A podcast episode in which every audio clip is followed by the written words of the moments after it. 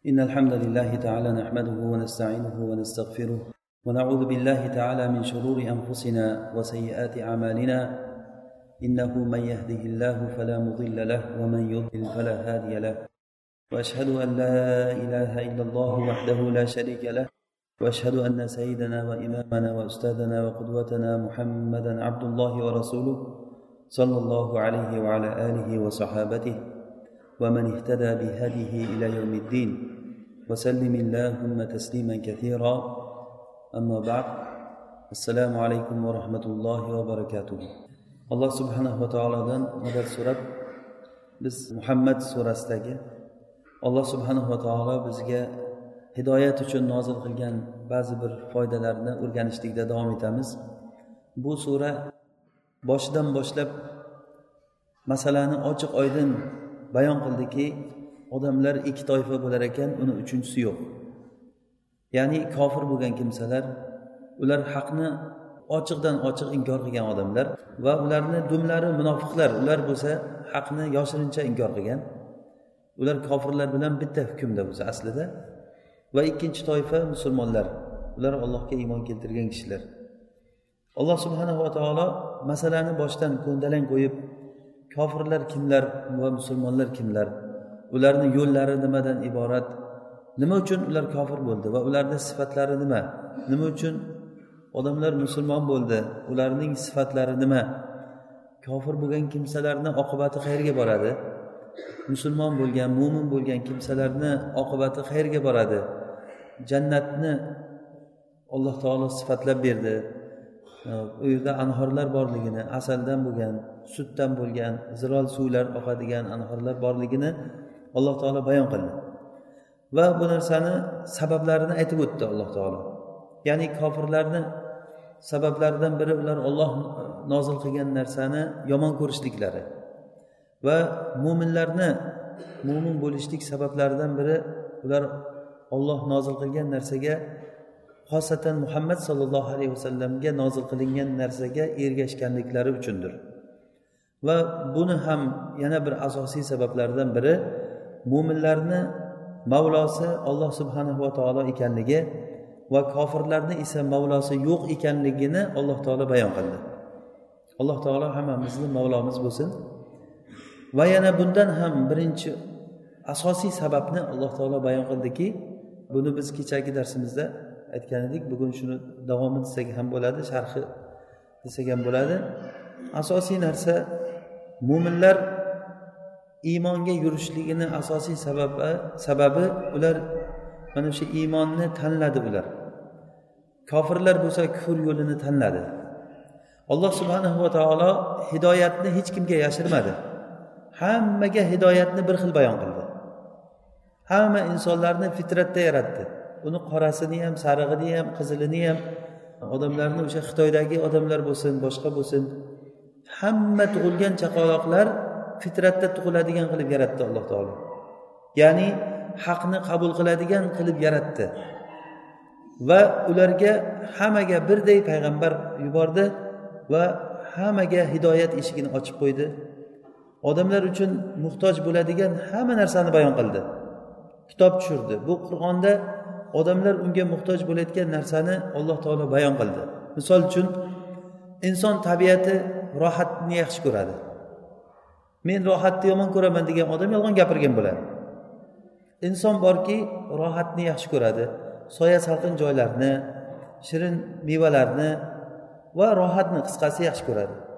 Inson tabiati mana shunday bo'lganligi uchun ham alloh subhanahu va taolo odamlarga jannatni va'da qildi va jannatni batafsil bayon qildi. Hech bir sifati qolmadi bayon qilinmagan desak ham bo'ladi. Jannatda nechta jannat bo'lishligi unda anhorlar oqishligi unda mevalar mevalarni turlari va surilar ustida o'tirishligi mo'minlarni bir birlariga o'tirishdagi sifatlarigacha aytdi. Surilar ustida bir birlariga qarab o'tirishadi va ularni o'zaro gaplashayotgan gaplari bir birlariga hech qanaqangi lag'v bo'lmaydi salomatlik gaplarni gapiradi. G'iybat degan narsa bo'lmaydi u yerda va bir biri bilan tortishishlik talashishlik degan narsalar bo'lmaydi. Ichadigan ichimliklari yeydigan taomlarigacha mevalarigacha bayon qildi. Hatto ichadigan ichimliklarini ichiga qo'shilgan narsalargacha bayon qildi. Qasrlarni ichida chodirlar bor chodirlarni ichida huri inlar bor huri inlarni sifatlarigacha bayon qildi. Ustidagi kiyadigan kiyimlariyu kiyimlarini turi bilan bayon qildi. Ya'ni o'zi qur'on bir qisqa bizga hidoyat qiladigan ya'ni hidoyat asllarini aytgan bu kitob lekin mana shu bobda shu masalada hech narsani qoldirmasdan bayon qildi desak ham bo'ladi. Nima uchun bunchalik bayon qildi? Chunki inson mana shu narsani yaxshi ko'radi. Inson tabiati borki xotirjamlikka intiladi yaxshilikka intiladi yomonlikdan qochadi. Haligi o'xshatsak agar inson xuddi bir yosh bolaga o'xshaydi shu yosh bolani kattasi kattaroq inson bo'ladi. Yosh bola kim yaxshi gapirsa o'shani oldidan ketmaydi. Kim bitta halvo bersa o'shani o'sha eng yaxshi odam shu yosh bolaga. Onasiga qarab chopadi nima uchun doim onasidan yaxshilik ko'rganligi uchun. Odam ham xuddi shunday katta odamlar ham. Yaxshilikka qarab intiladi yaxshilikka qarab chopadi. Lekin ilm bo'lgan alloh taolo ularni qalblarini yoritgan kishilar bu yaxshilikka qarab ketishlik yo'lidan boradi va boshqa odamlar esa gumrohlarcha aynan o'zlariga ziyon bo'lgan yo'ldan boradi lekin niyatlari o'zlariga yaxshilik qilishlik bo'lgan holda. Nima uchun fir'avnni yonida turgan o'sha fir'avnni malaylari xizmatchilari shurtalari nima uchun o'sha zolim bo'ldi fir'avnni yonida turdi? Ular rohat topishlik uchun hayotda yaxshiroq yashashlik uchun odamlardan o'zgacharoq bir yashash uchun yaxshiroq uylarda turishlik uchun yaxshiroq kiyimlarni kiyishlik uchun shu holatni tanladi ular. Lekin bu yo'lni noto'g'ri yo'lni tanladi. Alloh taolo bu yo'lni bayon qilib qo'ydi. Kim yaxshi yashashni xohlaydi kim rohat qilib yashashni xohlaydi mana bu yo'lda yursin. Rasululloh sollallohu alayhi vasallamni manhajidan yursin. Bu manhaj rasululloh sollallohu alayhi vasallamga iymon keltirishlik bilan boshlanadi. Bizni bu darsimiz inshaalloh mana shu rasululloh sollallohu alayhi vasallamni manhajini bayon qilishlik va buni tafsilotiga kirishlikdan iborat bo'ladi. Demak hidoyatni batafsil bayon qildi. Hech narsa qolmadi. Kofirlarga ham yashirmasdan bu narsani xos bir odamlarni bir joyga yig'ib ularni yashirincha bir darslar o'tkazib ularga aytib boshqa odamlarga aytmasdan unday qilmadi alloh taolo. Payg'ambarlar odamlardan pul olmadi. Ochiqdan payg'ambarlarga aytdiki odamlardan hech qanday xizmat haqi olmasdan ujra olmasdan sizlar haqni yashirmasdan malomatchini malomatidan qo'rqmasdan aytishlikni payg'ambarlarga yukladi. Shu yo'lda o'lib ketsang ham ayt deb buyurdi payg'ambarlarga. Va payg'ambarlarni atbolariga ham rabboniy ulamolarga ham mana shu narsa buyurilindi. Agar ularga har qanday o'lim kelib tursa ham har qanday xatar bo'lib turganda ham haqni ro'y rost ochiqdan ochiq gapirishlik ularga buyurilindi. Bu olloh subhanava taoloni butun insoniyatga bo'lgan rahmati bu. Odamlarga hujjat qoyim bo'lishligi uchun ochiqdan ochiq oyatlar bayon bo'lishligi uchun biz bir narsani bir yaxshi bilib olishligimiz kerak. Bugungi darsimizni mag'zi ham shu o'zi. Alloh taolo odamlarga fitratni berdi. Bu fitrat degani tug'ilgan paytda haqni qabul qiluvchi bo'lib tug'ilganligi. Ya'ni rasululloh sollallohu alayhi vasallam aytganlaridek kullu mavlud yuladu alal fitra har bir tug'iladigan chaqaloq bola fitrat ustida tug'iladi. Haqni qabul qiluvchi qilib tug'iladi bo'lib tug'iladi. Keyin uni ota onasi uni keyin noto'g'ri yo'lga boshlab ketishligi mumkin. Yo yahudiy qiladi yo nasoro qiladi yo majusiy qiladi. Ota onasi uni aynitadi. Allazi xalaqa fasavva vallazi qaddara fahada. Alloh taolo o'zi taqdir qilib o'zi hidoyatladi. Mana bu hidoyati fitrat hidoyati. Alloh taolo har bir insonga o'zini yo'lini ko'rsatdi. Nima manfaatli bo'lishligini ko'rsatdi nima zarar bo'lishligini ko'rsatdi. Xuddiki bu bobda ba'zi bir narsalarda hayvonlar ham odamlar bilan sherik bo'ladi. Qushlar bolasini qanday qilib katta qilishlikka alloh taolo hidoyatladi. Asalariga asalni jamlashlikni alloh taolo vahiy qilib o'rgatdi. Qanday qilib turib asal jamlaydi? Uni qiladigan ishlarini ko'rsa odam aqli lol qoladi. Oddiy bir chumolilarni hayotini agar tekshirib qarasangiz yoki bir hayvonlarni hayotini tekshirib qarasangiz yoki bir hayvonlar jamoat bo'lib ov qilishligini mana hayvonot olamida ko'rsatadi odam shunchalik darajada hayvonni aqli ishlaganligiga hayron qolasiz. O'zini badani nimaga qodir ekanligini biladi o'sha hayvon. Keragicha yuguradi keragidan tashqarida to'xtaydi. Nechidir sekund yugurgandan keyin agar yana ko'proq yugursa miyasiga qon quyilib turib masalan yo'lbarslar harakatdan to'xtab qolar ekan. o'n sekunddan ziyod yugurish mumkin emas. bir yuz yigirma kilometr tezlikda yuguradi o'n sekundgacha yugurib turadi. Undan tashqarida agar yugursa badani unga dosh bermaydi aylanadigan qonga. O'shanda birdan to'xtaydi. Ushlasa o'sha payt ovni ushlash kerak. Shuni biladi u. O'sha paytgacha harakatini qilib qoladi. Ya'ni bu ollohni hidoyati alloh taoloni bu ilhomi bu. Insonlarga ham xuddi shunday ilhom berdi. Foyda va ziyonni o'rgatdi. Nima manfaatli bo'ladi nima ziyon bo'ladi? Inson o'zi tug'ilgan paytda haqni qabul qiluvchi qilib tug'ilindi. Haqni qabul qiluvchi qilib yaratilingan. Yaxshilikni sidiqni yaxshi ko'radi vafoni yaxshi ko'radi zulmni yomon ko'radi kizibni yomon ko'radi. Va hidoyat berdi. Ikkinchi hidoyat bu bayon hidoyatini alloh taolo bu payg'ambarlar qo'li bilan va payg'ambarlardan keyin ularni atbolarini qo'llari bilan odamlarga hidoyatni olib kelib berdi. Mana shu majlisimiz ham inshaalloh mana shu hidoyat bayon qilishlik hidoyatni bayon qilishlik e, majlislaridan bir majlis bu. Bu birinchidan masalan so'zlovchini o'ziga va boshqalarga bu robbil alaminni eslatishlik ertaga qiyomat bor hammamiz mahshargohda jamlanamiz. Mana bu narsani haqni ro'y rost ochiqdan ochiq gapirishligimiz bayon qilishligimiz bu hammamiz uchun hujjat bo'ladi bu narsa. Bu hidoyatul bayon deb aytadi buni hidoyatul bayon. Bunda hamma odam sherik kofirlar ham sherik bunda. Munofiqlar ham sherik butun insoniyatga hidoyati bayon keldi. Alloh taolo qur'onda aytadiki va amma samudu fahadaynahum fastahabbul ama alal huda. Samud qavmini biz hidoyatladik. Samud qavmini biz hidoyatladik. Nima degani hidoyatladik degani? Ya'ni ularga hidoyat yo'lini bayon qildik degani. Lekin ular bo'lsa ko'rlik yo'lini ko'rlikni hidoyatdan ko'ra afzal ko'rdilar. Ya'ni zalolat yo'lini alloh taolo kinoya yo'li bilan buni ko'rlik deb ismlayapti. Chunki ko'rlik degancha borda bu narsa. Hech narsani ko'rmasdan turib shunday o'zini borib odamlar bosh suqib olovga kirib ketaverishligi bu ko'rlikdan boshqa narsa emas. Ko'zi haqiqiy ko'zi ko'r odam ulardan ko'ra yaxshi. Balki u ko'zini ko'rligi ko'rlik emas haqiqiy ko'rlik qalbning ko'rligi. Haqni ko'rolmaslik. Haqni ko'rolmaganda ham qandoq? Botilni haq deb o'ylashlik va haqni botil deb o'ylashlik. Samud qavmini alloh taolo misol qilib aytyaptiki bizga ularga biz bayon qildik. Ular ko'rlikni o'zlariga afzal ko'rdi va shu bilan ular ularni azob tutib ushladi. Ularni alloh taolo tarafidan kelgan katta bir qattiq baqiriq bir ovoz azob ularni ushlab qo'ydi. Bu biz uchun katta bir ibrat bo'ldi. Hozirgacha samud qavmini uylari joylari ularni asorlari hozirgacha turibdi. Demak hidoyat birinchi fitrat hidoyati ikkinchisi bayon hidoyati uchinchisi tavfiq hidoyati.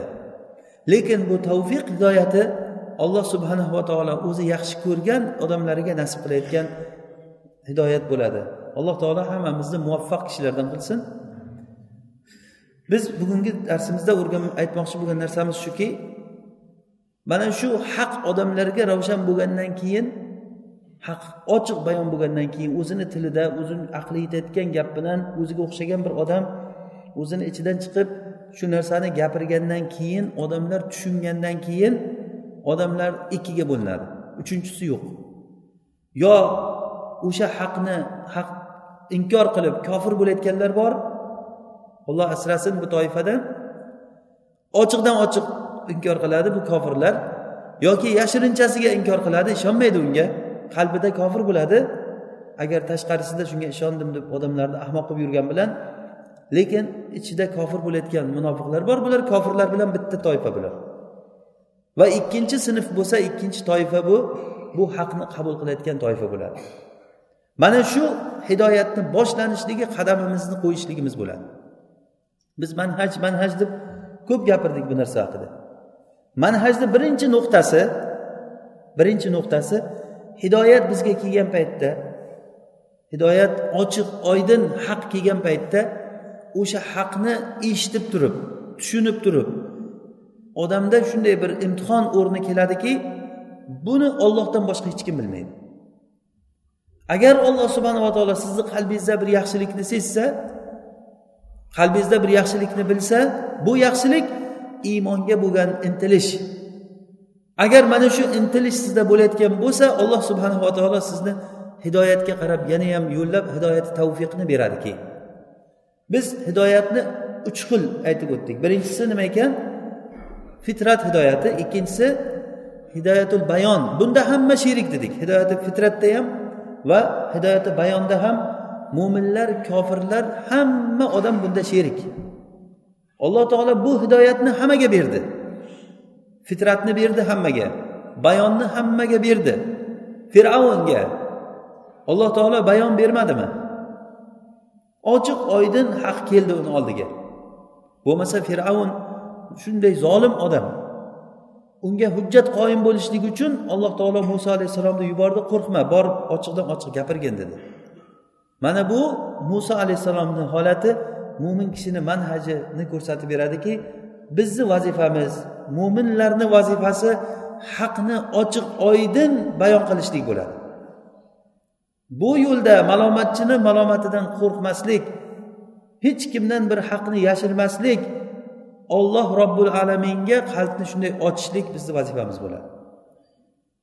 Mana shu haq keldi bayon bo'ldi hamma narsani tushundik mana shundan keyin odamlar ikki toifaga bo'linadi. Toki bayon bo'lguncha odamlar bayon bo'lguncha aralash bo'lib turadi. Payg'ambarlar kelib yoki payg'ambarlarni atbolari kelib odamlarga haqni bayon qilgandan keyin haq ochiqdan ochiq ravshan bo'lgandan keyin ana shu paytda iymon keltirayotgan odamlar iymon keltiradi. Haqni ko'rib turib iymon keltirmagan odamlar keyin ming yilda ham iymon keltirmas ekan. Ming yilda ham iymon keltirmaydi nuh alayhissalomni qavmi. Ya'ni nuh alayhissalomga alloh taolo aytdiki innahu lan yu'mina min qavmika illa man qad aman. Seni qavmingdan hozir iymon keltirganlardan boshqalari bo'ldi iymon keltirmaydi dedi. Nega bunday deyapti alloh taolo? Chunki ularni u bosqichi o'tib bo'ldi imtihon bo'ldi. Bu imtihon shuki haqni bayon bo'lishligi haq bayon bo'lib bo'lgandan keyin bilib bo'lgandan keyin odam haq keldi shuni bilib bo'lgandan keyin ha bo'ldi deb turib bilgandan keyin keyin o'shanga iymon keltirmadimi keyinga surdimi bo'ldi u orqaga qarab ketdi degan fir'avn buni katta bir misoli bo'lgan edi muso alayhissalom fir'avnga aytdiki لقد علمت ما أنزل هؤلاء إلا رب السماوات والأرض بصائر va inni la ya sen ey fir'avn bilib turibsanki hozirgi mana shu oyatlarni bu mo'jizalarni olloh robbil alamin olloh bu narsalarni tushirgan ekanligini bilib turibsan sen ichingdan degan. Ya'ni fir'avnni bilishligini muso alayhissalom vahiy orqali bilgan. Masalan bir odam haqni biladimi bilmaydimi uni biz bilmaymiz. Biz zohiriga qarab aytamiz. Bu biladi bu deb o'ylaymiz. Yo mana odam bilmaydi deb o'ylaymiz lekin u bilgan bo'lishi mumkin. Biz bu darsimizda birovlarga hukm chiqarishlik uchun faloncha kofir faloncha mo'min mana bundan buyog'i kofir bundan buyog'i mo'min deb hukm chiqarish uchun o'rganmaymiz. Eshitgan odamlar buni o'zini mana shu taroziga solib ko'rishlik kerak. Buni faqat robbil alamin biladi buni. Alloh taolo imtihon qiladi bu uchun. Qalb birinchi o'rinda insonni boshqaradigan narsa salomat qalb bo'ladi. Shu qalbiga hidoyat kelib haq ravshan bo'lgan paytda mana shu paytda imtihon nuqtasi o'sha yerda yo'l chorraha boshlanadi. Yo u yoqqa ketadi yo bu yoqqa ketadi. Agar kim bu yo'lni tanlasa ketdi o'sha yoqqa qarab. Kim bu yo'lni tanlasa bu yoqqa qarab ketdi. Bu yo'lga qarab ketdimi? Bo'ldi. Endi u ming yilda ham orqaga qaytmaydi. Hattoki u har qancha oyat mo'jizalarni ko'rsa ham makka mushriklari rasulullohdan oyatlar mo'jizalar talab qildi. Ya'ni mo'jizalar kelsa bo'lmaydimi? Oyatlar kelsa bo'lmaydimi bizga bir payg'ambarligingni isbot qilayotgan dedi. Alloh taolo bularni iymon keltirmasligini ta'kidlab aytdiki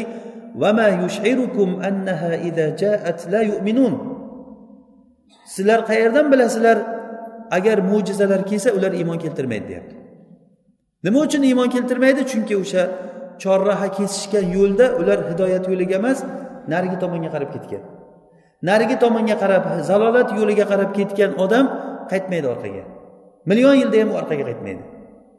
Agar farishtalar uni oldiga ochiqdan ochiq kelsa ham o'liklar ularni ko'zini oldida tiriltirilsa ham jannat va jahannamni ko'zi bilan ko'rsa ham shunday do'zaxga kirgizilinib do'zaxdan qaytarib olib chiqilinsa ham yana o'sha kufriga qarab ketaverar ekan inson bu narsani alloh taolo aytyapti ولو أننا نزلنا إليهم الملائكة وكلمهم الموتى وحشرنا عليهم كل شيء قبلا ما كانوا ليؤمنوا إلا أن يشاء الله agar biz ularga oldilariga maloikalar shunday ularga ko'ziga ko'rinib kelsa ya'ni faraz qiling hozir maloikalar tushyapti hammani ko'ziga ko'rinib o'liklarni tiriltirib qo'ysak ularni oldiga. Va hasharna alayhim kulla shayin qubula. Hamma narsani ularni oldida biz ko'rsatib qo'ysak. Jannatni ko'rsa do'zaxni ko'rsa hamma narsani ko'rsa ham o'shanda ham ular iymon keltirmaydi. Nima uchun bular iymon keltirmaydi? A ko'rdiku ko'zi bilan nima uchun ko'zi bilan ko'rib turib iymon keltirmaydi? Demak bu narsa boshqa bir siri bor buni. Mana shu sirni biz bilishligimiz biz uchun birinchi qadam bo'ladi. Bu narsa shuki hidoyat bayon odamlarga haq ravshan bo'lgandan keyin kim agar to'g'ri yo'lni tanlab to'g'ri yo'lga qarab yursa mana shu odamga tavfiq hidoyati keladi. Alloh taolo aytadiki zadahum hudan va atahum taqvahum hidoyatga yurgan odamlar bu qaysi hidoyat bu?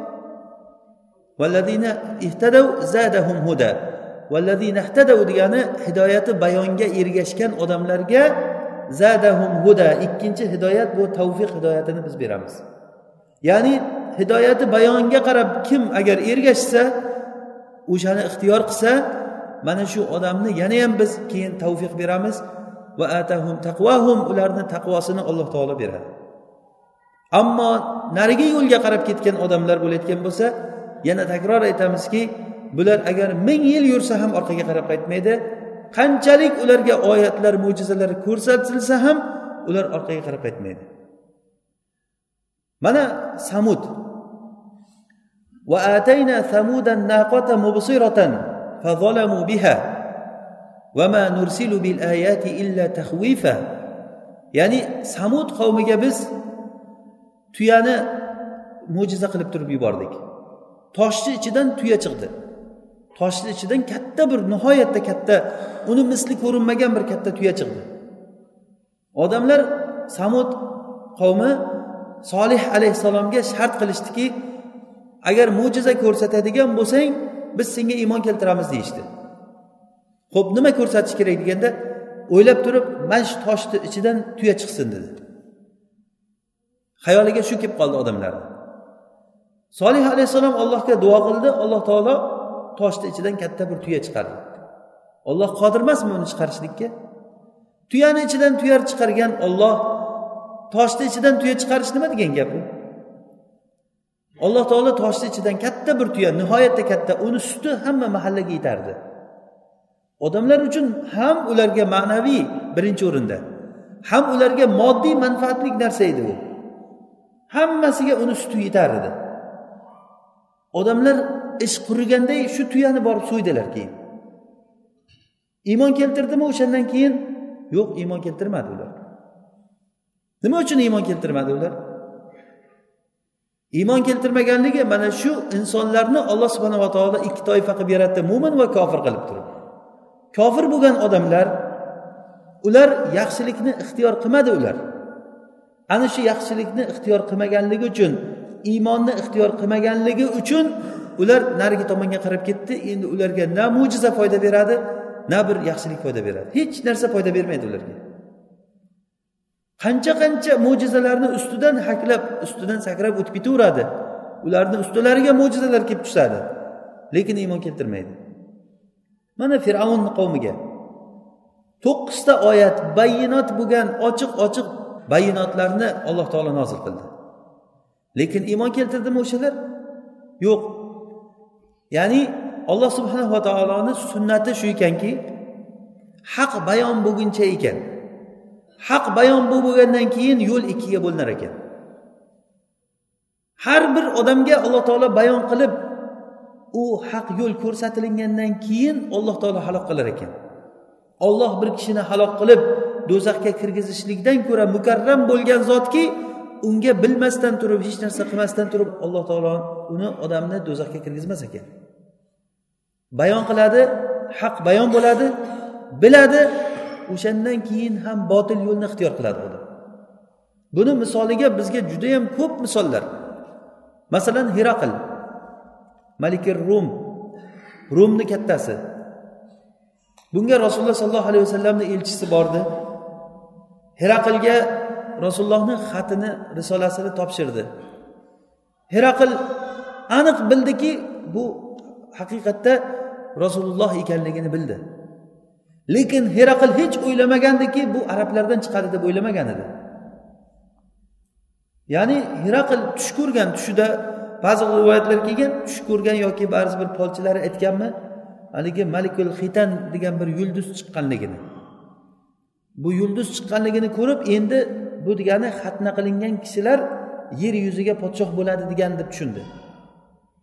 Keyin bir kun juda kayfiyati bo'lmasdan ertalab tong ottirgan paytda uni vazirlari nima bo'ldi sizga? deganda shunaqangi bo'libdi degandan bu ishi qiyin emas bu xatna qiladigan odamlar hammasi yahudlar. O'sha yahudlar tomonidagi xizmatchi haligi bolingizga aytamiz hamma yahudlarni o'ldirib yuboradi degan. Tamom qutulamiz degan. Shunga shuncha xafa bo'lasizmi? degan. Keyin ko'ringlar qani yana boshqa kimlar xatna qiladi degan paytda shu payti rasulullohni jarchisi yurganligini elchisi kelganligini eshitgan bo'lgan. Ushlab turib nima qilib kelgan odamni ko'rsa xatna qilingan bo'lgan. Ha demak shu degan. Bilgan va u aytganki men hech o'ylamagan edim arablardan chiqadi deb o'ylamagandim agarda shu payg'ambarni oldiga borsam men uni oyoqlarini yuvib qo'yardim degan ekan. Va hattoki o'zini nimalarini chaqirib vazirlarini eshiklarni qamashga buyurgan eshiklar yopilingan. Keyin aytganki nima deysizlar agar ollohga iymon keltirsak men ollohga iymon keltirdim degan. Shunda xuddi yovvoyi eshaklarday ular o'zlarini eshikka urgan ekan vazirlari. Ya'ni podshohdan yuz o'girgan. Ular eshiklar qufliq bo'lgan hali ham chiqib ketolmagan hech kim. Keyin shunda men sizlarni sinab ko'rgan edim hazillashdim degan. Shu bilan mulkni bo'lgan muhabbati uni orqaga qarab qaytardi. Hidoyatga qarab bir yurmoqchi bo'ldi. Ana shu paytda hiroqil haqni haq ekanligini aniq bilgan edi. Bildi va hidoyatga qarab yurmoqchi bo'ldiyu lekin mulkka bo'lgan muhabbat uni orqaga qarab tortdi va ketdi shu bilan. Ammo u rasululloh sollallohu alayhi vasallam aytganlarida hiraql o'zini mulkiga qizg'onchilik qildi. Alloh subhanava taolo u johillik uchun qildi. Alloh subhanava taolo uni mulkini tortib olarmidi agar mo'min bo'lganda? Va buni aksi buni teskari tarafi najjoshiy najjoshiy rahimaulloh roziyallohu anhu ba'zilar kishini o'sha sahobalar sanog'ida sanaydilar lekin rasululloh sollallohu alayhi vasallamni ko'rmagan u kishi lekin iymon keltirgan. Iymon keltirdi u kishi. Haq kelgan paytda iymon keltirdi. Rasululloh sollallohu alayhi vasallam g'oyibona bu kishini janozasini o'qidi. Bir kishi ya'ni rasululloh uni janozasini g'oyibdan o'qigan bitta kishi shu kishi bo'ladi. Jibril kelib turib rasulullohga xabar berdiki birodaringiz najjoshiy dunyodan o'tdi janozasini o'qing deb xabar berdi. Rasululloh sollallohu alayhi vasallam ashoblariga aytdilarki turinglar birodarimiz najoshiy dunyodan o'tdi janozasini o'qiymiz deb turib rasululloh sollallohu alayhi vasallam g'oyibona janozasini o'qidilar. Bu baxtga muyassar bo'ldi najoshiy u podshoh edi lekin o'sha podshohligi uni hidoyatga yurishlikdan man qilmadi uni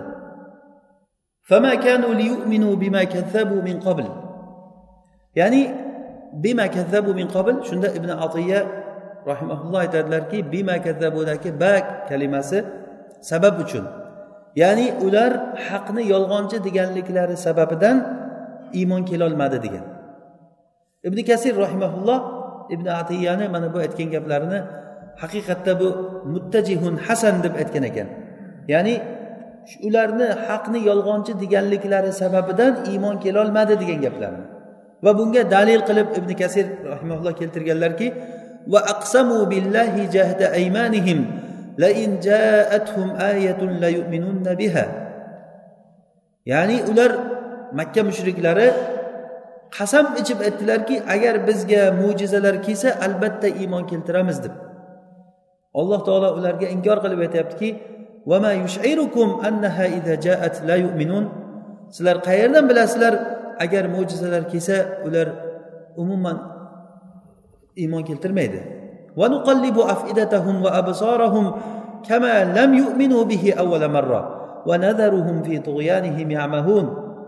Ularni biz qalblarini va ularni ko'zlarini xuddi birinchi kunda qanday iymon keltirmagan bo'lsa xuddi o'shanday teskari qilib qo'yamiz.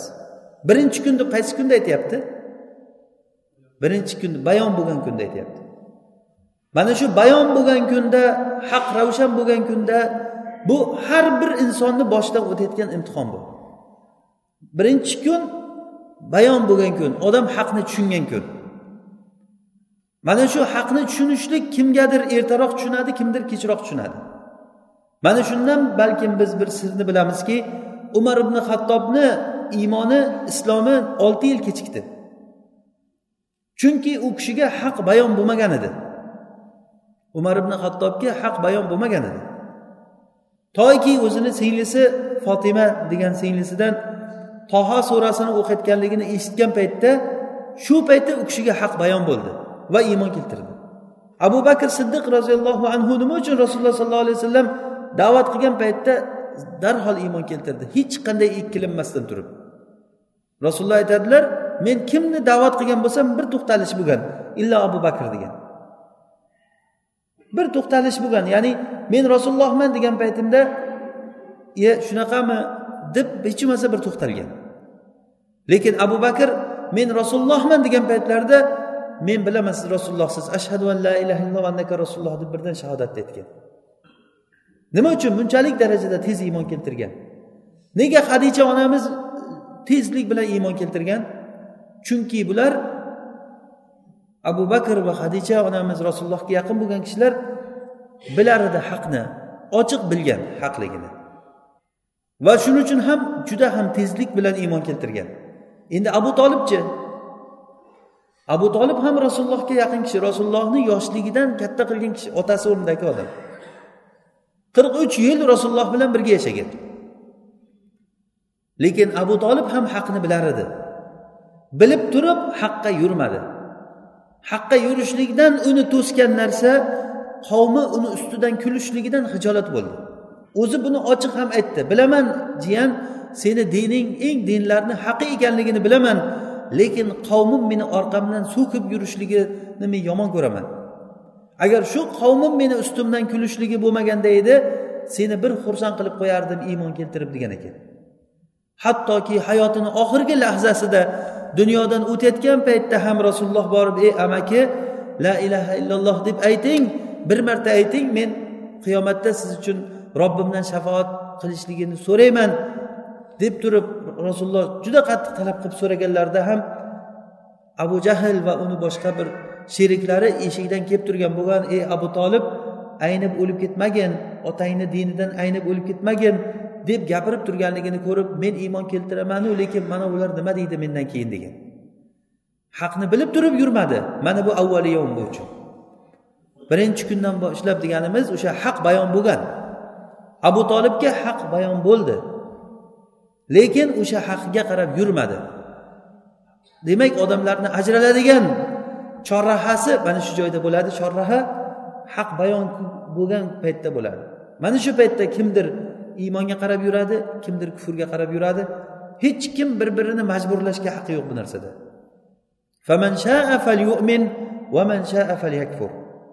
Kim xohlasa iymon keltirsin mana oqibati mana bu bo'ladi. Kim xohlasa kofir bo'lsin oqibati mana bunday bo'ladi. La ikroha din dedi alloh taolo. Dinda majburlashlik yo'q hech kim bir birini majburlamaydi iymon keltir deb lekin mo'minlarni vazifasi payg'ambarlarni merosxo'rlari boshlab payg'ambarlar va ularni atbolarini vazifasi haqni bayon qilishlik bo'ladi.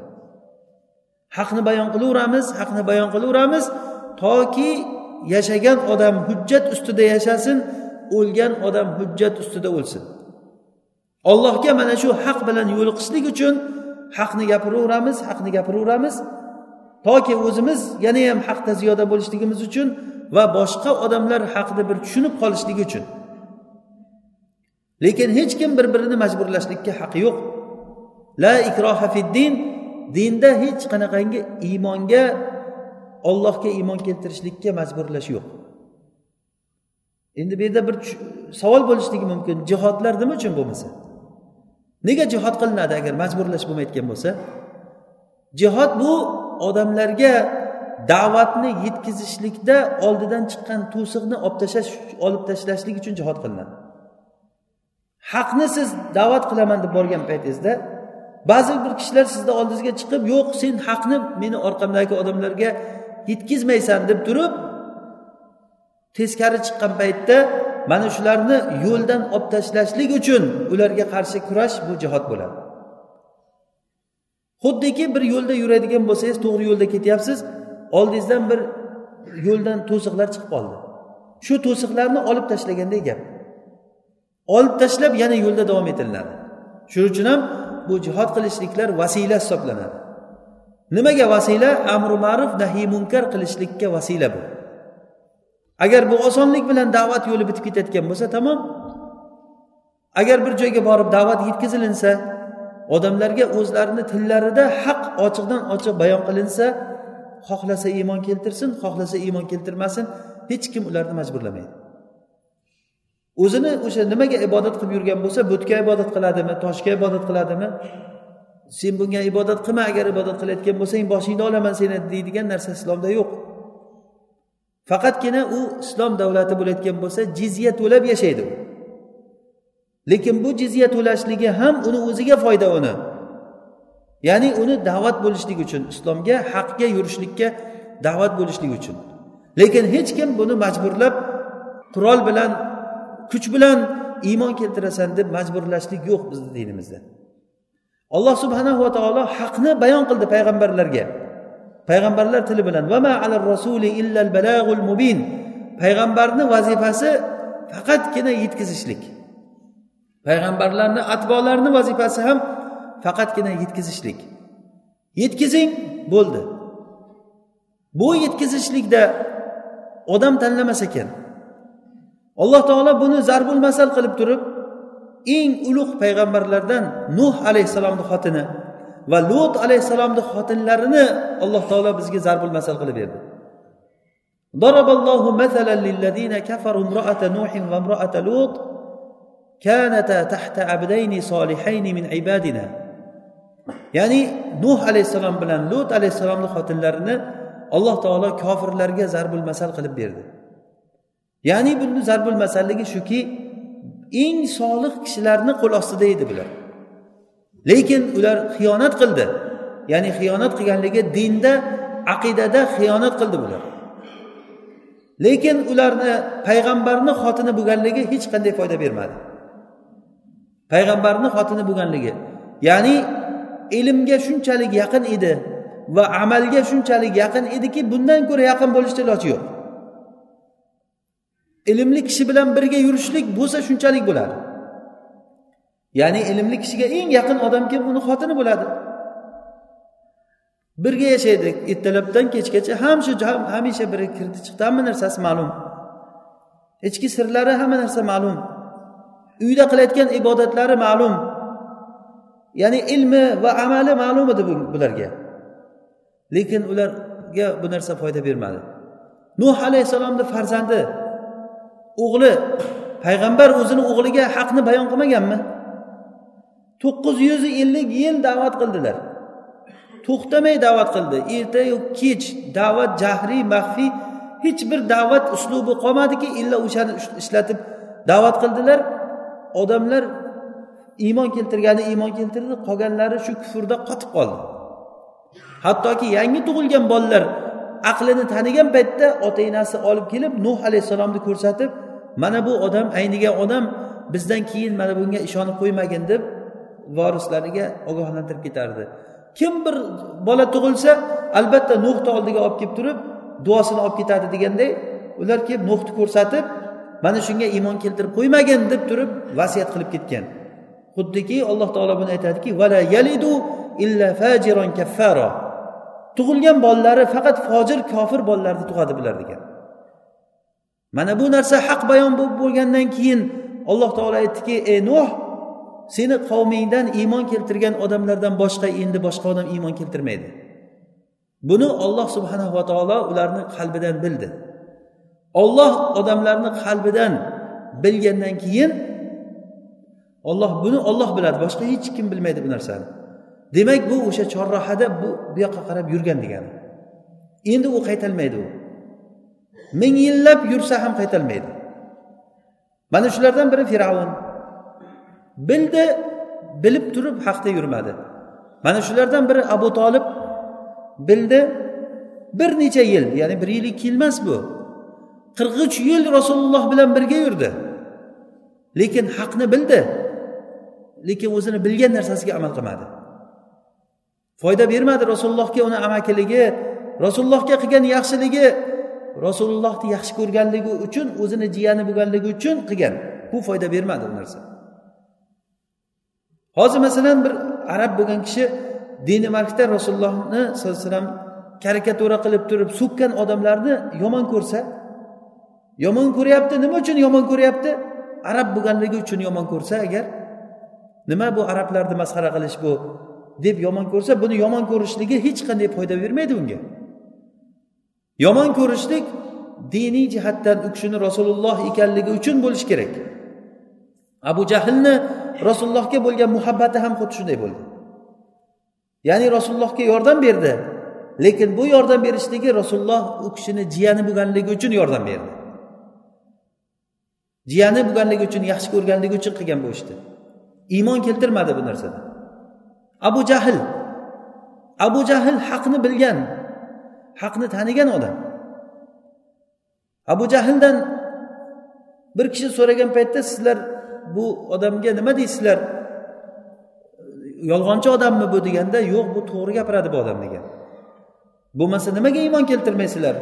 deganda biz bilan buni qavmi bani hoshim abu jahlni qavmi bilan bani hoshim ikkalamiz xuddi musobaqaga qo'yilgan ikkita otda edik degan. Agar biz hojilarga taom bersak ular ham taom berardi. Ular agar hojilarga suv bersa biz ham suv berardik. Musobaqada bir ular o'tib ketsa bir biz o'tib ketib mana shunday ketayotgan bir paytimizda bizdan payg'ambar chiqdi deb o'tiribdi ular degan. Endi biz nima qilamiz degan. Vallohi bunga biz hech qachon yo'l qo'ymaymiz qarshilik qilamiz degan. Mana bu abu jahlni masalasi hal bo'lgan odam edi o'zi. Ana shu joydan bilingki abu jahl bilan umar ibn hattobni ikkovsini farqi yoki abu sufyon bilan abu jahlni farqini biling. Abu sufyon bir necha yil rasulullohga dushmanchilik qildi. Lekin vaqti kelgan paytda iymon keltirdi. Alloh taolo aytgani kabiki in ya'lamillahu fi qulubikum khayron yu'tikum khayron mimma ukhidha minkum. Agar olloh sizlarni qalblaringda bir yaxshilikni haqga qarab intilishlikni iymonni xohlashlikni bilsa albatta sizlarga yaxshi bir narsalarni beradi degan mana shu narsa bu hidoyatga yurmasligini siri ham shunday edi. Amr ibn os shuncha aqlli bo'la turib amr ibn osga aytilingan ekanki biz senga hayron qolamiz. Shunchalik darajada aqling usta bo'lib turib hattoki amr ibn os roziyallohu anhu bu kishini islomi kechikkan hijratni sakkizinchi yilida islomga kelgan makka fathidan oldinroq islomga kelgan bu kishi. Shunchalik aqling bilan iymonga kelmaganligingga qiziq degan odamlar. Shunda u kishi aytgan ekanki ya'ni amr ibn os nihoyat darajada fikri o'tkirligi bilan o'tkir kishi deb turib mashhur odam bo'lgan ekan. Hatto umar ibn hattobni oldiga kelib bir kishi agar gapini udda qilib gapira olmasdan sal tutilaversa tutilaversa ajablanaman alloh taolo shunday odam bilan amr ibn osday odamni yaratganligiga degan. Ya'ni ikkovsi ikki xil odam degani. Ya'ni bu deganiki nihoyat darajada so'zamol nihoyat darajada fikri usta odam bo'lgan. Ya'ni juda ham haligi makr hiylani juda zo'r biladigan odam bo'lgan ekan. Aql bilan juda mashhur bo'lib ketgan hamma joyga. Lekin o'sha odam iymoni sakkizinchi hijriy yilgacha kechikdi. Shunda odamlar so'ragan ekan sen qanday odam bo'la turib iymonga kelishliging nimaga kechikdi deganda bizni iymondan to'sib qo'ygan narsa bizni qavmimizdagi kattalar degan ekan. Biz o'shalarni gapiga ishonib yurgan ekanmiz degan. Keyin alloh taolo ularni halok qilgandan keyin oldimiz ochilib qoldi degan. Haq u kishiga bayon bo'lgan bo'lmagan. Ya'ni oldida to'siqlar bo'lgan. Demak ana shu insonlardan bo'lgan to'siqlar odamlar oldiga chiqib turib doim odamlarga zalolatni vahiy qilib bu undoq bu bundoq deb turib o'rgatib turishligi bu doimo bir shaytonni va uni malaylarini yo'li ularni sunnati mana shundan iborat. Kofirlar ayni shu yo'lni tutgan. La tasma'u li hadal qur'ani valg'av fihi la'allakum tag'libun bu qur'onga quloq solmanglar. Ya'ni odamlarni qur'onga quloq solishlikdan to'sgan. Va qur'on to'g'risida har xil bo'lmag'ur gaplarni gapiraveringlar gapiraveringlar. Odamlar iymon keltirmasin odamlar tushunmay qolsin. Ayni xuddi shu narsa mana bu sharqshunoslik e, universitetlari bu nima oliygohlar tashkil bo'lishligi boshida mana shu bilan tashkil bo'lgan bo'lsa. Bular odamlarga din o'rgatishlik uchun emas bu asli dastlab tashkil bo'lgan paytda g'arbda tashkil bo'lgan. Shuning uchun ham sharqshunos deyilgan. Chunki g'arbdagi odamlar sharqni madaniyatini o'rganishlik. Ularni bunga undagan narsa o'zlarini farzandlari xalqini guruh guruh bo'lib turib islomga kirib ketayotganligini ko'rib ya'ni u paytda islom markazi mana bu turkiyagacha keldi. Undan nariyog'i e, shimolga qarab hamma dinsizlar kofirlar shimolga qarab qochgan. Keyin musulmonlar u yerga tijorat bilan borgan ular musulmonlar yurtiga tijorat bilan kelgan. O'rtada aralashib bo'lgan musulmonlarni muomalalarini ko'rgan paytda u paytda musulmonlar yaxshi muomala qilib gapirgan ekan. Ya'ni musulmonlarni muomalalarini ko'rib sidiqini ko'rgan paytda ko'pchilik odamlar islomga kirib ketavergan. Buni ko'rgan cherkov poplari nihoyat darajada qo'rqib ketgan bu narsadan. Keyin buni yo'lini oldini olish kerak. Nima qilish kerak oldini olishlik uchun? Bu uchun ularni o'zlarini yo'llarini o'rganib turib shu o'qishni tashkil qilish kerak. Sharqshunoslik degan bir o'qishlarni unga bir nihoyatda zakovatlik zehnlik bolalarni tanlab olib shu yo'lga tashlagan. Ular o'zlarini fido qilgan shu uchun. Kelib turib darvish bo'lib tolibi ilm bo'lib turib kelib musulmonlar diyorlarida yurib ilm o'rgangan ular. Keyin kitoblarni sotib olgan o'g'illagan boshqa qilib olib borib o'zlariga olib borib o'zini tiliga tarjima qilgan. Va odamlarga xalqqa keyin islomni boshqacha qilib ko'rsatib odamlarni islomga kirib ketishligidan yo'ldan oldini to'sib qolishlikka harakat qilingan. Bu shaxsshunoslik degan narsa o'zini xalqini dinga kirib ketishligidan qaytarish uchun qilingan narsalar bo'lgan. Xuddiki bu narsa aynan o'sha shaytonlarni makka mushriklarini qilgan yo'llari. Bularni sunnati qiyomat kunigacha mana shunday ketadi. Haq gapirilingan paytda haqni odamlar eshitmasligini harakat qiladi ular. Bo'lmasa o'zlarini chiqargan o'sha demokratiya qonuni bo'yicha ham haqni har kim nima xohlasa gapiraverish kerak nima e'tiqodda bo'lsa qilaver hattoki kiyadigan kiyimingiz ham mumkin emas odamlarga da'vat bo'lib qolyapti deb. Nima uchun? Chunki odamlar haqni eshitib qolmasin. Xuddi shu narsa amr ibn os roziyallohu anhuni islomdan to'sgan narsalar shu bo'lgan. Ular makkaga kelgan odamlarga birinchi kim kelsa makkaga oldiga borib turib muhammad bilan gaplashib qo'ymagin u seni aytib qo'ymasin u qilmasin bu qilmasin deb odamlarni qo'rqitib hatto tufayl ibn amr davsiy aytadilar meni shunchalik darajada gapiraverganiga qo'rqqanimdan qulog'imga paxtalar tiqib olgandimki shu muhammadni gapi kirib qolmasin xayolimga kirib qolmasin menga deb. Keyin keyin o'zimga o'zim hayfim keldi. Qurib ketgur ey tufayl sen bir shoir gapni yaxshi yomonini bilayotgan odam bo'lsang gapini eshitib ko'r yaxshi bo'lsa ergash. Yomon bo'layotgan bo'lsa bilasanki yaxshi yomonni deganda qulog'imdagi paxtalarni olib tashladim degan keyin rasululloh bilan suhbatlashib birinchi suhbatlashishligida iymon keltirgan. Amr ibn osam xuddi shunday bo'lgan. Qanday g'azotidan keyin qanday g'azotidan keyin amr ibn os aytgan ekanki yonidagilarga ko'ryapsizlarmi bu muhammadni ishi? Qanchalik darajada beo'xshov darajada oldinga qarab ketyapti degan. Ya'ni nihoyat darajada oldinga qarab ketyapti. Bu turish bu holatda bizni holatimiz yaxshi bo'lmaydi. Men fikrim najoshiyni oldiga ketamiz degan. Najoshiy bu habashiston podshosi. Uni oldiga amr ibn os oldin ham borgan edi. Borgan paytida u bilasizlar habashistonga musulmonlar hijrat qilib borib makka mushriklarini qattiq tazyiqidan keyin rasululloh sollallohu alayhi vasallam habashistonga boringlar dedilar. Habashistonga borganlaridan keyin keyin orqalaridan amr ibn os bilan abdulloh ibn abi robiani ikkalasini makka mushriklari hadyalar bilan jo'natadi. Najoshiy va uni atrofidagi odamlarni yaxshi ko'rgan narsalari terilarni yaxshi ko'radi degan har xil hayvonlarni terilarini. Terilardan bir qanchasini hadya qilib makka mushriklari ularni ushlab qaytarib ortga qaytarishlik uchun ularni elchi qilib jo'natadi. Shunda bularga tayinlagan ekanki borib terilarni birinchi bo'lib turib nimani najjoshiyni vazirlariga batoriqa deydi o'sha batoriqalariga beringlar. Vazirlariga beringlar keyin najoshiy bilan gaplashinglar degan. Toki ular sizlarga najoshiy bilan gaplashganda sizlarga bir yordamchi bo'lib tursin deb. Keyin borgan hadyalarni bular tarqatgan keyin najoshiy bilan uchrashgandan keyin ey podshoh bizni yurtimizdan bir aynigan yigitlar bor. Vatan dushmanlari ular bizni dushmanlarimiz. Ular juda ham xatarli odamlar jinoyatchi odamlar. Ularni amakilari ularni qarindoshlari qavmi qarindoshlari bizni yubordiki ularni ushlab orqaga qaytarishlik uchun. Deganda haligi vazirlar ham ey podshoh bu to'g'ri gapiryapti.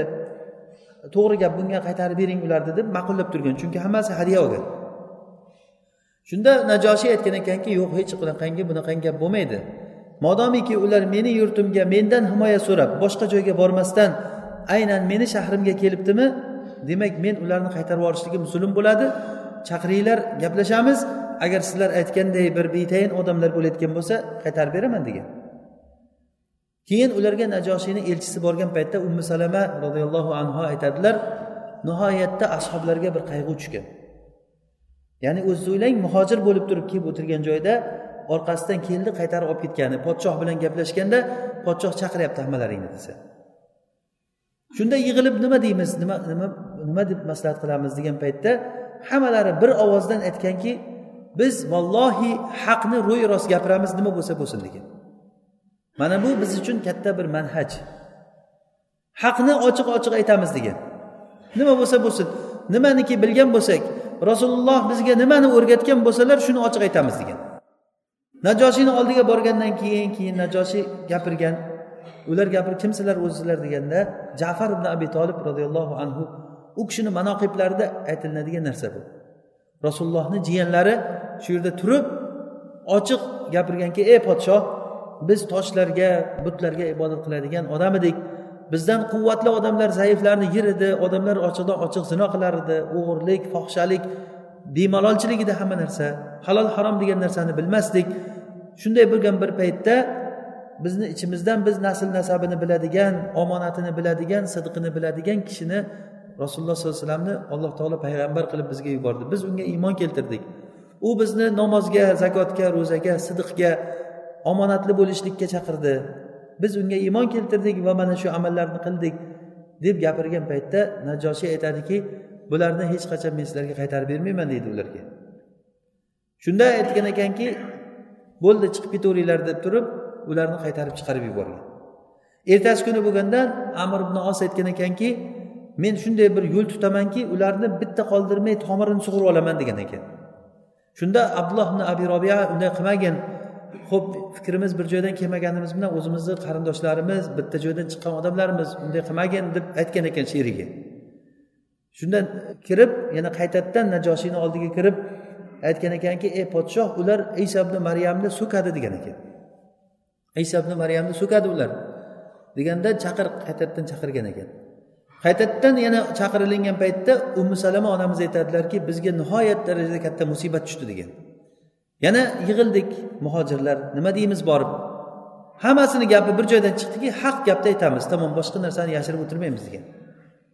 Keyin borgandan keyin yana jafar ibn abi tolib chiqib aytdilarki sizlar iso ibn maryam to'g'risida nima deysizlar deganda iso ibn maryam ollohni bandasi va ollohni kalimasi u kishi maryamga olloh taolo tashlagan ollohni ruhi.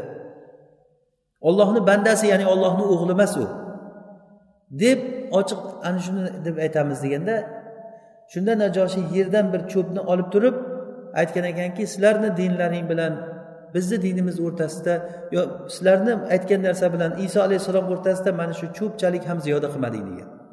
Ya'ni ochiq gapni aytding degan.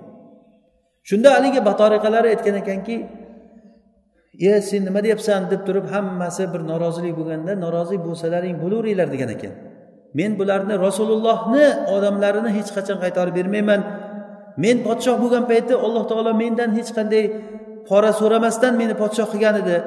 Men bularni hadyasini ham olmayman deb turib haligi amr ibn osni hadyalarini o'zlariga qaytarib bergan ekan. Haligi elchilar e, nimalari vazirlari norozi bo'lib turib norozi ohangda gapirgan paytda sizlar ham aralashmanglar. Meni podshoh qilib qo'ygan kuni alloh taolo sizlardan so'rab o'tirgani yo'q edi degan. Mana bu haqni gapirgan paytda bu biz uchun juda katta bir dars bo'ladiki shunday bir mavqiflar keladi. Biz o'ylaymizki o'shanda haqni gapirsak odamlar qabul qilmaydi. Haqni gapirsak bizga ziyon tegib qoladi deb o'ylab nohaq bo'lgan narsani o'zimizga dustur qilib olib nohaq bo'lgan manhajni odamlarga ko'rsatib o'zimizni o'zimiz bir bo'lmagan narsa bilan ko'rsatib zohiri kufr bo'lgan tagi iymon bo'lgan o'zimizni islohimizda bo'lgan narsa bilan ko'rsatib turib keyin birdan biz musulmonmiz deb bir kuni aytamiz o'zimizni degan narsa bu bizni islom manhaji emas bu narsa. Ya'ni haq bu ro'y rost aytiladigan narsa haq va sidiq najot toptiruvchi narsa bo'ladi. Amr ibn os mana shu joyda bir uchrashgan edi. Ya'ni najoshiy roziyallohu anhu bilan. Keyin ularga aytdilarki o'sha musulmonlarga najoshiy aytgan ekanki sizlar meni shahrimda omonlik bilan yashanglar kim agar sizlarni so'kadigan bo'lsa jinoiy javobgarlikka tortilinadi deb uch marta qaytarib aytgan ekan. Xotirjam yashayveringlar degan. O'zlari ham iymon keltirgan. Keyin hijratni sakkizinchi yiligacha amr ibn os shunday kufr holatda yurdi. Alloh taolo u kishini halok qilmadi o'sha paytgacha. Keyin musulmonlar handak g'azotidan keyingi holatini ko'rib musulmonlarni rivojlanib ketayotganligini ko'rib amr ibn os keyin aytdiki najoshiyni oldiga boramiz xohlasanglar. U podshoh odil podshoh uni oldida himoyalanamiz. Chunki oldin ko'rib kelganda qochib borgan odamga himoya berar ekan. Agarda arablar bizni qavmimiz g'olib bo'lsa muhammaddan yana qaytib kelib turib o'zimizni qishlog'imizda yashayveramiz bemalol. Agarda muhammad g'olib bo'layotgan bo'lsa biz o'sha joylarda hijratda omon qolib qolamiz deb o'sha yoqqa ketib yuborgan. Najoshiyni oldiga borgan paytda keyin yana najoshiyni oldiga kirib bir suhbat unga nasib qilib qolgan shunda gaplashgan paytda najoshiy aytgan ekanki ey amir sen iymon keltirsang bo'lmaydimi? deb gapirgan ekan. Keyin o'shanda haq bayon bo'ldi amir ibn osga. U haqmi rostdan ham deganda vallohi u haq payg'ambar u degan.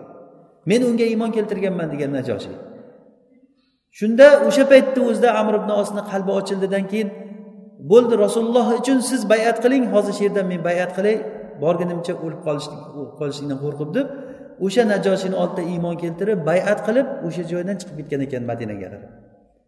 Yo'lda ketishda xolid ibn valid bilan uchrashib qolgan. Xolid ibn validga qayerga ketyapsan deganda men madinaga qarab ketyapman haq men uchun bayon bo'ldi u payg'ambar haqiqiy payg'ambar degan ikkalasi borib turib o'shanda usmon ibn abi tolha degan kishi uch kishi borib turib islomga keltirgan. Haq bayon bo'lgandan keyin. Demak haqni bayon bo'lishlik vaqti bo'ladi. Mana shu vaqt bu hidoyat shunday ochilgan paytda biz uchun o'sha imtihon vaqti haqni qabul qilasizmi yo'qmi? Mana shu payti shu imtihonda qolasiz. Buni hozirgi misolim mana shu amr ibn os roziyallohu anhuga haq bayon bo'lgandan keyin iymon keltirdi. Abu sufyon roziyallohu anhu ham xuddi shunday bo'ldi. Lekin bilib turib haqni yashirib turgan odamlar shu jumladan yahudlar shu jumladan iblis ularni boshlig'i haqni bilmaydimi? haqni biladi bilib turib u haqga teskari bo'ldi mana yahudlar rasululloh sollallohu alayhi vasallam chiqishligini ular bilishardi rasulullohni chiqishligini bilardi ular lekin o'zlaridan chiqmaganligi uchun iymon keltirmadi xuddi shularni iymoni umuman uzoq narsa ularni iymoni mumkin emas narsa ekanligini alloh taolo aytadiki afatatmauna an yu'minu lakum وقد كان فريق منهم يسمعون كلام الله ثم يحرفونه من بعد ما عقلوه وهم يعلمون ularni iymon keltirishligini umid qilasizlarmi sizlar ular hech qachon iymon keltirmaydi ular ularni bir jamoasi borki ular haqni tushungandan keyin bilib turib haqni tushungandan keyin ollohni kalimasini o'zgartirayotgan odamlar bor ularni ichida ya'ni nafaqat ular haqni qabul qilmadi balki haqni odamlarga botil qilib ko'rsatib berdi. Bu narsa juda ham yomon narsa bu narsa. Ya'ni haq kelgan paytda birinchi inson qalbida haqga bo'lgan yomon ko'rish bo'lar ekan. Undan keyin odamni yuzida o'sha haqni yoqtirmaslik bo'ladi. Haqni yoqtirmagandan keyin keyin kuch ishlatib turib haqda yurgan odamlarni ollohni diniga da'vat qilib yurgan odamlarni shu urib bir narsa qilib haqdan qaytarishlikka harakat qilar ekan.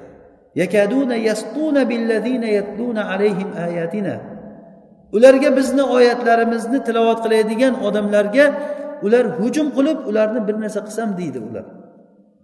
Ich ichidan xohlaydi. Birinchi ular qalbidan haqni yomon ko'radi yuzida bu narsa ko'rinadi va qo'llari bilan keyin qo'lidan kelsa agar haqda yurgan odamlarni qanday yo'l bilan bo'lsa ham odamlarga haqni yetkazmasligi uchun har qanday yomon fujur ishlarni qiladi ular.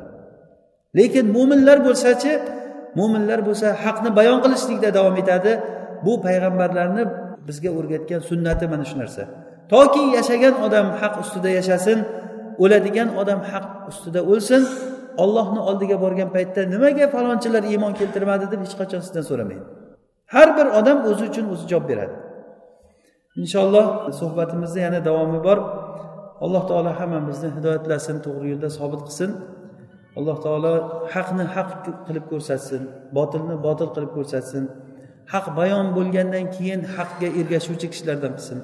Subhanakallohu bihamdik nashhadu an la ilaha illa ant nastag'firuka va natubu ilayk.